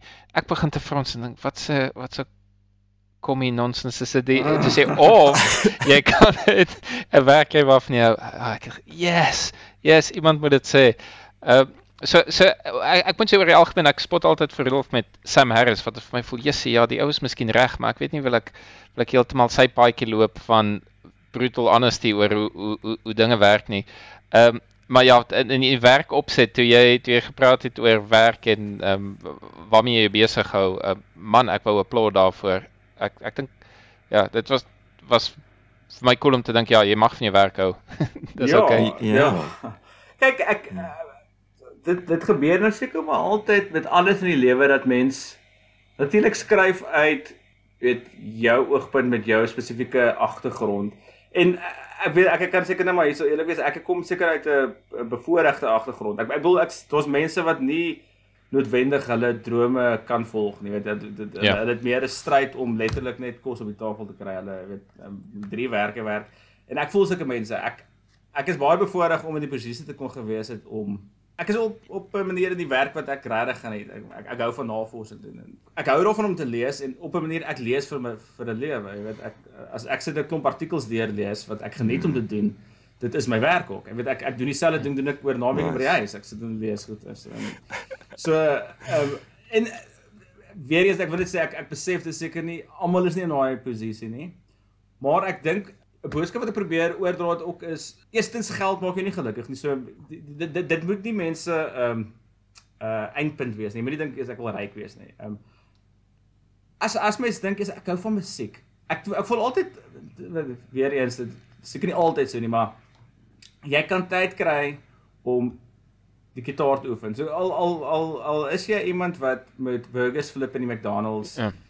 Hoopelik sal jy tyd hê wat jy net by die huis kan gesit in plaas van om die TV aan te sit en TV te kyk. Wat jy eerder nie gewoond te kom om oefen gitaar. Ehm um, want 'n 'n ding wat ek geleer het ook met al die navorsing is ehm um, hierdie idee van incremental ehm um, Improvements. improvements. Weet jy moet net elke dag 'n bietjie beter word. Bietjie beter, bietjie beter. Hmm. Oor 'n klompie jaar sal jy 'n fantastiese gitaarspeler wees en dan dan kan jy miskien geld maak uit gitaarspeel uit. Ja. Ja, en ook die ding met die werk ook. Ons het 'n vorige uh, gas gehad, Mich Michelle Chin. Ek dink dit was Michelle wat gesê het follow your bliss. En dit is half as jy soos wat jy jou loopbaan ook beskryf hoe jy begin het met ingenieurswese en hoe jy geëindig het waar jy nou geëindig het en dit is jy net el elke keer as daar iets is wat jou aantrek, dan gaan jy daarvoor en dan dan vat dit jy half in 'n nuwe rigting en dan as iets anders wat jou aantrek, dan gaan jy daarvoor en en so op die einde kom jy op 'n plek uit wat jy jou lewe ongelooflik geniet. Dis nog 'n paar temas, ehm um, een van die temas wat heel heeltyd deurkom in jou boek is oor die die geneigtheid wat ons as mense het om alles te klassifiseer. Hm. Om te te onderskei tussen lewe en dood en mens en masjien en dier en en jy half push dat ons moet ophou te veel dink in daai klassifikasies en half terug gaan na die fondasies toe. Alles is tog dieselfde fondasies en alles is ek sê soos byvoorbeeld in IT is alles data en prosesse en, en op 'n manier is die hele al dieselfde. Dit is alles particles en prosesse wat wat wat alles veroorsaak wat tot tot lei tot alles wat ons het. So ja, jy het 'n boodskap daarso wat probeer om om ons bietjie uit daai mindset uit te kry van alles te klassifiseer in hierdie, hierdie harde kategorieë. Om goeders te klassifiseer in hierdie kategorieë, dit dit is dis menslik. Ek bedoel dis hoe ons brein ontwikkel het en dit is nodig om te kan navigeer deur hierdie ehm um, komplekse wêreld van ons. Dit het 'n funksie, ja, ja. Ja, So dis nie dat dit nie onbelangrik is nie, Nee, maar ons dit- moet tog net onthou dat dit is iets wat ons self uitgedink het. dit, dit is presies dit. Ek so ons, ek sê ons moet dit nie gebruik nie, mense moet dit definitief gebruik, maar dit raak vir my 'n probleem as mense begin ehm um, dink dit is soos half die um, dit is feite van die wêreld. Ek weet 'n goeie voorbeeld, ek weet nie of julle die dokumentêr gesien het van Matt Walsh, hierdie ehm um, What is a woman? Ek weet daarvan en ek weet dis kontroversieel. baie kontroversieel. Ja. Ja. Dit, dit, dit dit gaan ons nou oor ehm um, dit die, die transvestite community en ehm um, wat, wat my soms kwaad maak is dat dit soos hierdie Matt Walsh mense baie konservatiewe mense soms hulle probeer redeneer jy's 'n man of 'n vrou dit, dit dit is dit is feite van die lewe. En mm. my punt is net dit dinge is nie so black and white nie. Ons moet onthou ons het daai kategorieë wie op die wêreld geplaas. Dit is nie andersom nie. Die- wêreld het nie gesê hier's mans en vrouens nie. Ons besluit okay, ons gaan hierdie's mans noem, ons gaan daai's vrouens noem. Dis nie andersom gewees nie. Ehm um, so daar is miskien 'n spektrum en weet as mens begin kyk hoe die hoe die liggaam ontwikkel van weet as jy weet in die uh, ma se maag is tot wat jy gebore word weet wanneer die dit is baie belangrik dat die regte hormoon op die regte tyd afgegee vir die regte ontwikkeling van die geslagsdele maar dan ook vir vir die brein se ontwikkel om aan te pas by die geslagsdele. I mean dit dit hierdie goeder geskied op verskillende tye. So weer eens wil ek sê ek is ek is nie die die ekspert in die goeder nie. Ek so ek kan nou nie die details onthou nie, maar alle babas word gebore as sê net maar vrouens. Daar dan moet die regte testosteron moet op die regte tyd afgegee word vir die manlike geslagsdele om dan te ontwikkel. En dan 'n rukkie later eers moet die regte hormone afgegee word vir die breinveranderinge om plaas te vind. So as dit nie gebeur nie, maar daai het gebeur, dan kan jy voel asof jy 'n vrou is gevang, weet, vasgevang in 'n man se liggaam. Want dan kry jy soms hierdie mense wat sê nee, dis onmoontlik. Jy's of dit of dit. Jy weet dit- dit- dis dis feite van die lewe, maar dit is nie feite van die lewe nie. Ons het hierdie feite geskep. Ehm um, jy weet so so daai is 'n goeie voorbeeld en dan goeie soos verskillende spesies. Ja ja ja ja ja. Dit dit dis nie hier's 'n spesies en dan ewe skielik so dit dit dis 'n baie gradual weet ehm Ja ja. Ons is 30% piesang of wat is storie? so iets ja. Ek ek elke keer as ek vir my dogter vertel want sy hou daarvan om oor uit te vra. Ek het al vertel, okay, een of ander tyd was ons ape. Dan sê sy sy vra maar was haar oupa haar aap? Dan sê ek sê nee, maar dan as ek terug dan dink ek as jy regtig teruggaan met die lyn, iewers letterlik jou voorgeslag, iewers gaan een net maar vis wees. So so daar daar's letterlik 'n transisie van wat ook al jy wil sê wat die Luca die common ancestor was, iewers deur deur klomp verskillende diere gaan jy kom tot by die mens. Daar is nie 'n plek waar jy ja, dit dit is net fluid. Uh dit, dit is my amazing om daaraan te dink. Dit, Dit- is ja. Ek kan dink ja, Jan van Riebeeck, okay, hy was 'n mens. En Noag, okay, hy was 'n mens of of wie ook al. Maar dan iewers raak dit blurry. Dan dan gaan dit okay, nou weet ons nie eintlik meer wat noem jy die ding nie. En dan as jy nou genoeg miljoene jare terug gaan dan kom jy uit by ja, by iets wat glad nie 'n mens is nie, glad nie 'n mammal even is nie.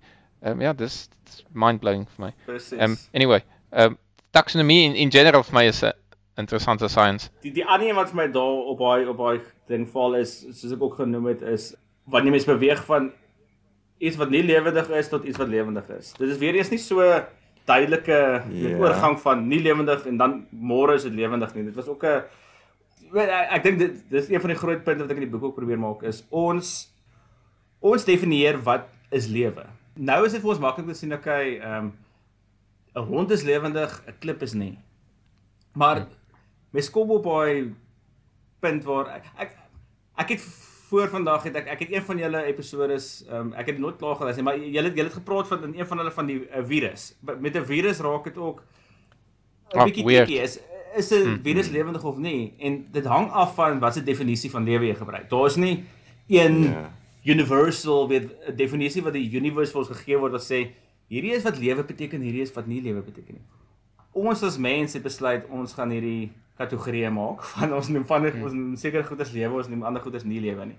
Soos 'n sekere goeders man noem en sekere goeders vrou noem, soos 'n sekere goeders kat en hond noem. Ons ons plaas daai kategorieë in die wêreld. Dis nie andersom nie. So En, en ek dink ons het verskillende ehm um, hoe sê jy persentasies akkuraatheid wat ons vereis.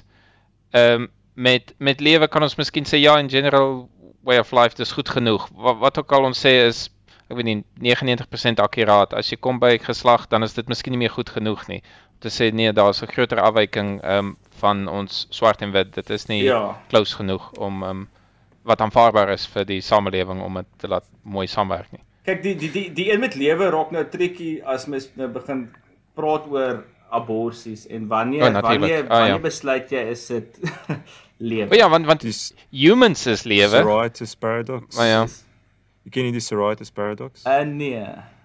So Sorites paradox sê wanneer word 'n uh, een van die voorbeelde is wanneer word 'n uh, korreltjie sand 'n uh, hoop. So jy het 'n Ah. korreltjie sand en jy sit nog 'n korreltjie sand by. Ja, ja, ja. Twee ja, ja. korreltjies sand is nie 'n hoop nie. Wat 'n stadium raak dit 'n hoop. En ja, en dit het die die ja, 'n borsie vir my pas baie goed by daai ene in. Is, is wanneer is dit nou regtig 'n baba? Ja, so en een van die goed wat ek gedink het oor die boek ook is ek en Everett al baie gepraat is mens weet nie altyd met wie jy praat of vir wie jy skryf. Jou audience. Wie is jou audience spesifiek? So as jy nou Jordan Peterson is en jy gaan sê jy skryf staan regop met jou bors wyd. Vir party ouens moet jy sê, "Wow, miskien moet jy jou bors so 'n bietjie intrek. Miskien moet jy nie nie so wyd staan. Jy is jy staan jy's dalk bietjie bietjie rustig meer en en in jou boek ek half kry ook half die idee van 'n audience daarso want jy het 'n baie half reductionist view in die boek wat jy alles half jy wys vir ons hoe kan jy alles reduseer na uh basiese particles en basiese uh forces toe.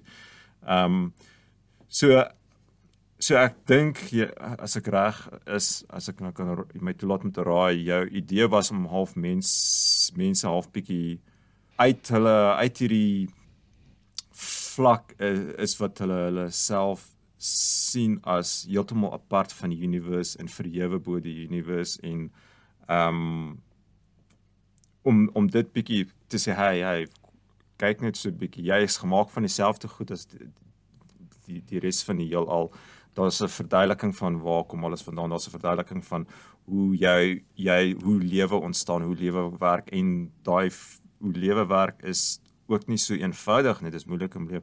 So dit is half 'n baie uh reductionist view daarso en ek ek dink as ek as ek kan raai wat jy probeer bereik is om mense so 'n bietjie te te skrik en te, te laat skrik en sê luister um klim van jou perdjie af. Jy is nie die center of the universe nie lees ek jou reg as ek Ja, ehm um, nie 100% nee nee nee nee, jy, jy lees my raak. Uh, raak. Hierso ek dit sien.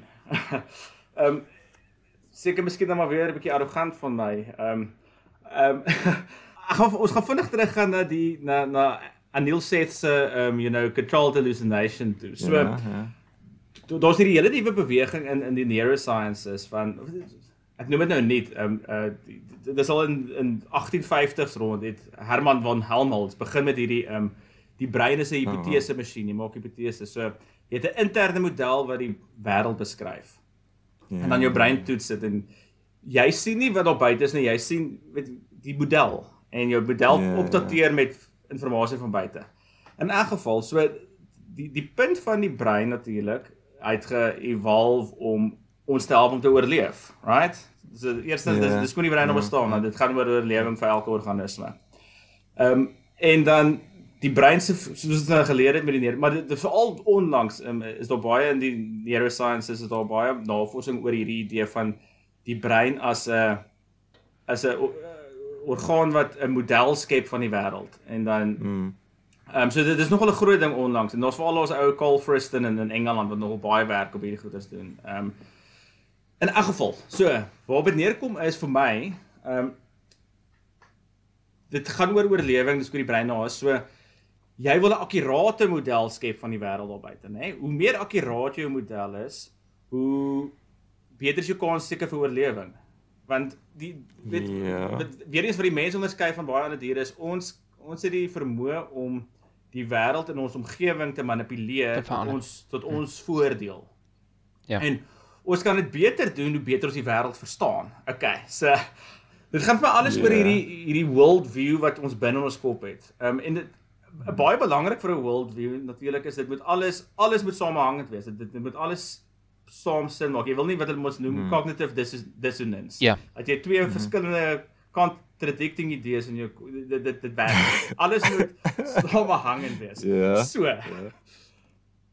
Ek voel hierdie worldview maak sin. As jy weet ons baseer dit gebaseer op wetenskap. Wat die wetenskap vir ons sê, kom ons volg dit. Ons ek ek dink ons het nou vasgestel dis die beste manier tot die waarheid op 'n manier, jy weet, is, is om deur die wetenskaplike proses te te volg vir wat is. Ja. Dan what ought to be, how we ought to live, dit, dit moet maar altyd 'n deba- debat wees. Jy weet en dit, dit moet ge ehm um, inform word deur die die wetenskap en jou wêreldsmodel, jou uitkyk op die lewe. So. Ja. Mm.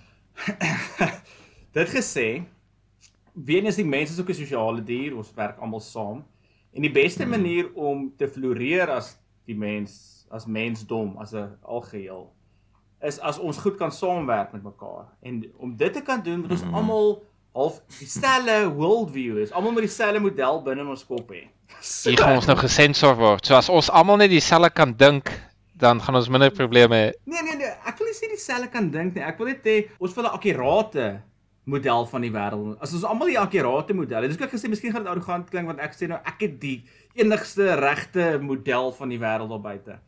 Ehm um, die my my probleem is net mense moenie ooglopende verkeerde goed glo nie want dan dit gaan daar probleme wees om goed saam te werk.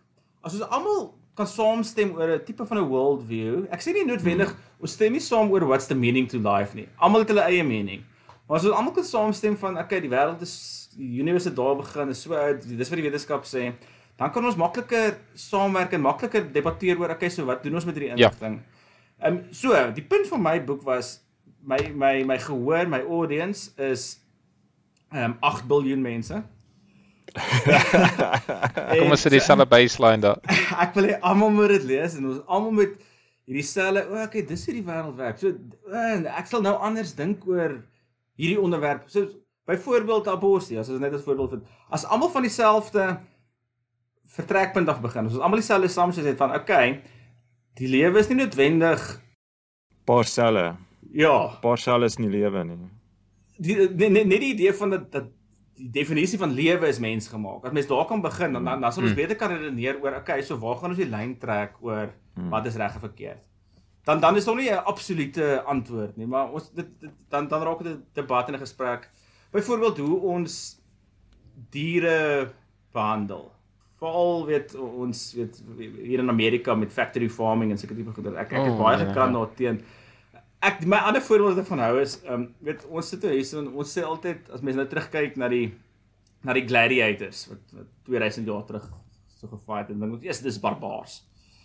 10 teen 1 oor man, nie eers 200 jaar nie gaan mense terugkyk en sê, "Here, daai daai sport van rugby wat daai ons gespeel het 200 jaar terug. 10 Dis dan nou 'n barbaarse sport gewees, hè." Wat het daai mense gedink?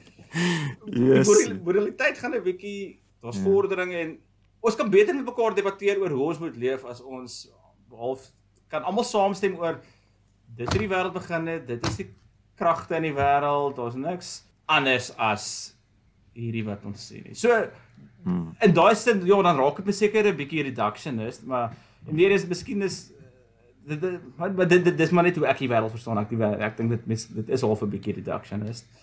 Ja. Okay. Maar daar is 'n manier om dit te versoen en jy uh, noem Sean Carroll en Sean Carroll een van sy gunsteling onderwerpe is vlakke van beskrywing waar okay 'n reductionist 'n 'n reductionist worldview verskoon die Engels sê nie dat tafels en stoele bestaan nie. Dit sê nie net nee man, daar bestaan nie iets soos tafels nie. Dis dis net partikels. Daar bestaan nie iets soos 'n mens is nie. Dis net partikels. daar daar is iets op 'n hoër vlak bestaan daar goeie soos tafels. Daar bestaan iets soos mense, daar bestaan iets soos consciousness. Dit is net op 'n ander vlak wat dit bestaan. Ja, dit kom van 'n basiese elemente af, maar op op 'n sekere vlak bestaan dit op 'n ander vlak in 'n ander vlak van beskrywing. Dit is die manier hoe Sean Carroll vir my geleer het om dit te versoen. En ek stem 100% saam. So ehm um, weet ons die mikroskopiese vlak van partikels en dan is daar die makroskopiese vlak waarop ons leef. So jy weet ja, soos jy nou sê, mense kan baie maklik sê daar bestaan nie tafels nie, daar bestaan net partikels, maar dit sal baie dom wees. Dit die, lewe gaan moeilik wees as jy jy voor jou nie sê okay, daai is 'n tafel. So ons ons dit ons kom nou amper weer terug by hierdie kategorieë wat ons skep. Ek sê nie die kategorieë is simpel ons moet dit nie hê nie.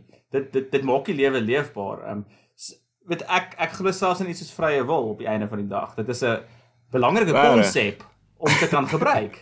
Ek ek dit okay. weer is dit gaan afhang van jou definisie, maar okay. Dit is okay. dit dit dit dit maak sin om te sê die ou daar in die straat het 'n vrye wil. Ehm um, ek ek weet nie wat hy volgende gaan doen nie. Ek kan nie al die partikels in die hele heelal volg om te weet wat so ek 'n tribute vrye wil te hom. Hy kan half enige keuse maak een yeah. Ja. hy kan agency. ja, hy het agency.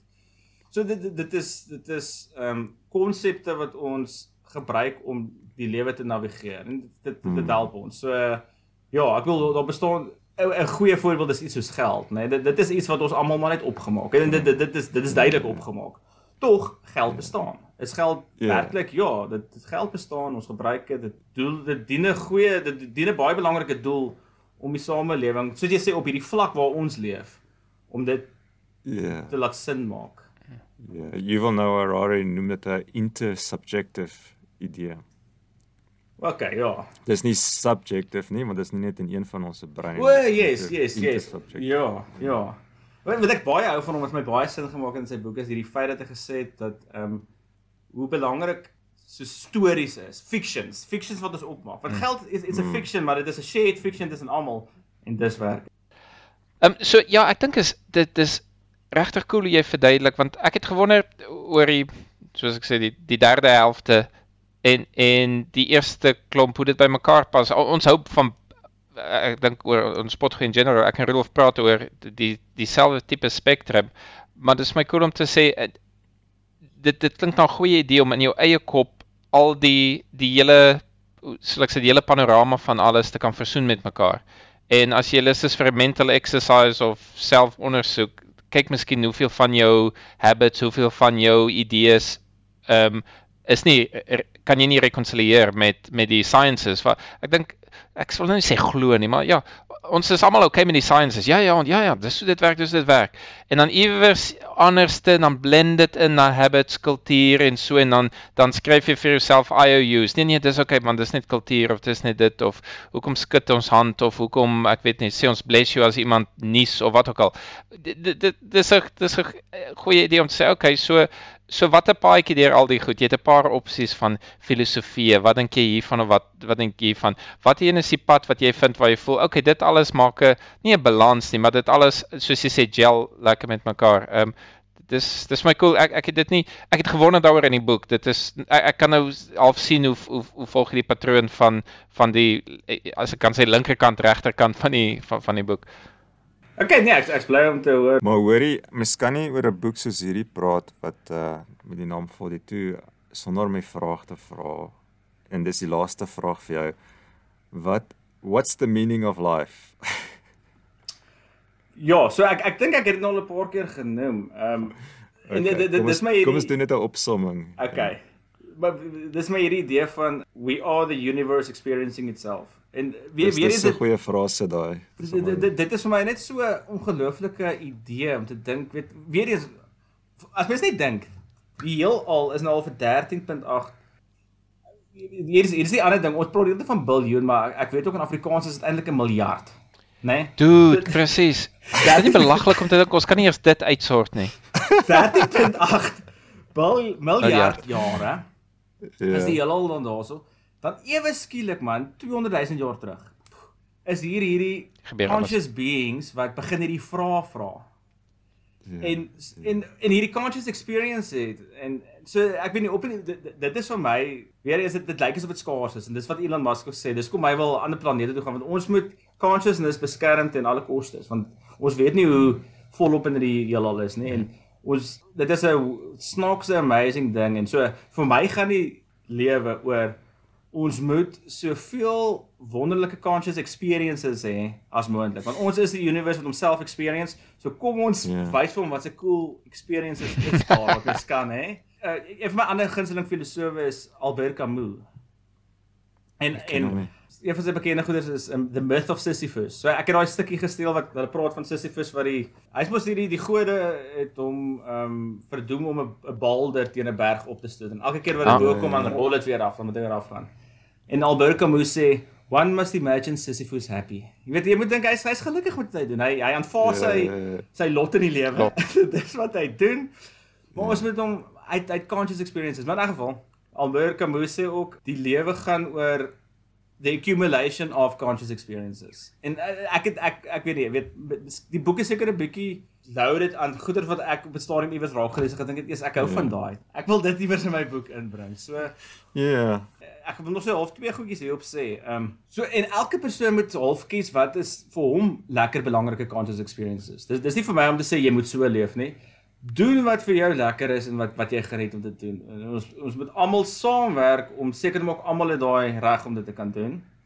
En dan tweedens wat ek hou van ehm um, dit moet half op 'n manier unieke nuwe conscious experiences wees. Ehm um, want weer eens 'n bietjie met die neuroscience as mens dieselfde ding oor en oor doen.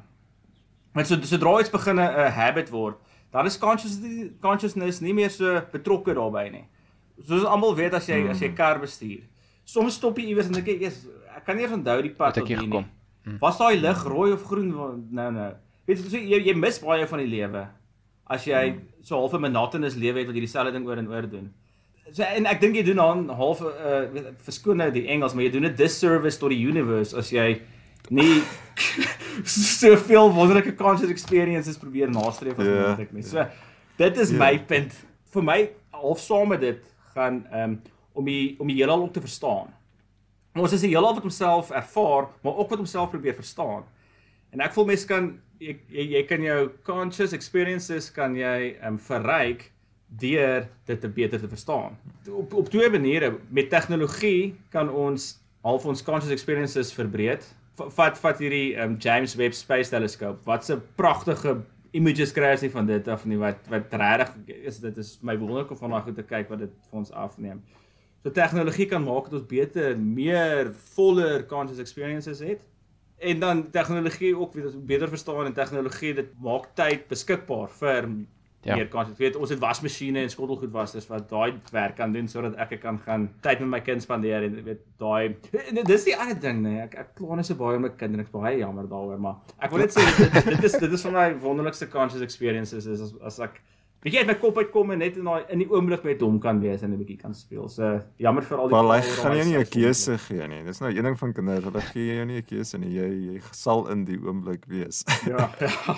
Hy sê vir jou sit. Hier Ja. Speel bokkies. Okay, dis 'n goeie plek om af te sluit. Jessie baie baie dankie ou. Yes. Dit was- Nee, dit was- dankie vir julle. Dankie vir die boek en dit dankie dat jy met ons gepraat het. Uh, dit regtig geniet. Ek het dit ook vreeslik geniet. Ehm um, baie dankie. Ehm um, en ja, ek wil as julle ooit weer in die toekoms wil gesels, ek is ek is beskikbaar. Man, ek kan ek dink ons kan die vol- volgende 42 episodes met jou praat. Ehm um, sal definitief met jou wil praat meer oor jou free will eksperimente ehm um, en oor free will in in in die algemeen. ja. Ja. En ek dink. Rudolf sal um, homself nominate om om deel te neem aan die eksperiment. Alright. Okay, Davie Deep Thought Professor van Heerden. van den Heever. maar- maar- Nee, maar nee, almal almal maak daai fout. Ek kry dit baie. Goed gaan daar. Cheers julle. Magalies uit. Mag alles uit. Hey Magalies, gaan kyk na ons show notes. Davie se details is daar en daar's ook 'n link waar jy sy boek verniet kan download.